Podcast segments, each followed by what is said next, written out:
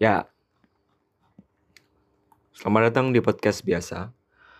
Kali ini aku mau bahas tentang format program penyiaran di televisi. Yang pertama, ada hard news. Semua informasi penting dan menarik harus disajikan oleh media penyiaran karena sifatnya harus segera ditayangkan agar dapat diketahui halayak secepatnya.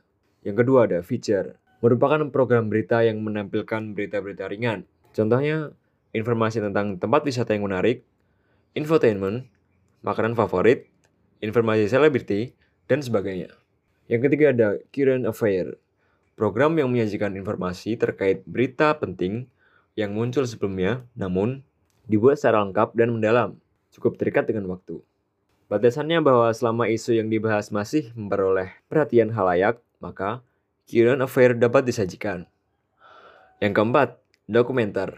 Program informasi yang berisi pembelajaran dan pendidikan, namun disajikan dengan menarik.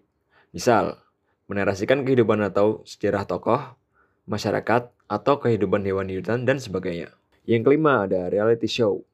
Program yang menampilkan suatu peristiwa berlangsung apa adanya, natural, tanpa skenario.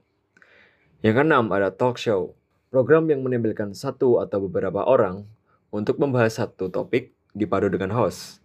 Yang diundang merupakan sosok yang berpengalaman dengan peristiwa atau topik yang diperbincangkan atau ahli dalam masalah yang tengah dibahas. Yang ketujuh ada drama, sinetron dan film. Pertunjukan yang menyajikan cerita mengenai kehidupan atau karakter seseorang yang diperankan oleh pemain dan melibatkan konflik dan emosi. Drama terbagi menjadi dua, sinetron dan film. Di luar negeri, terkenal dengan opera sabun atau telenovela. Yang ke-8 ada game show, program yang melibatkan sejumlah orang baik secara individu maupun kelompok yang saling bersaing untuk mendapatkan sesuatu.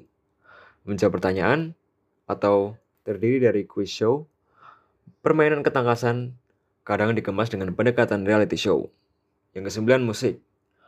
Program musik dapat ditampilkan dalam dua format, yaitu video klip atau konser. Program musik di TV ditentukan dengan kemampuan artis, tidak hanya dari kualitas suara, tapi juga berdasarkan bagaimana mengemas penampilannya.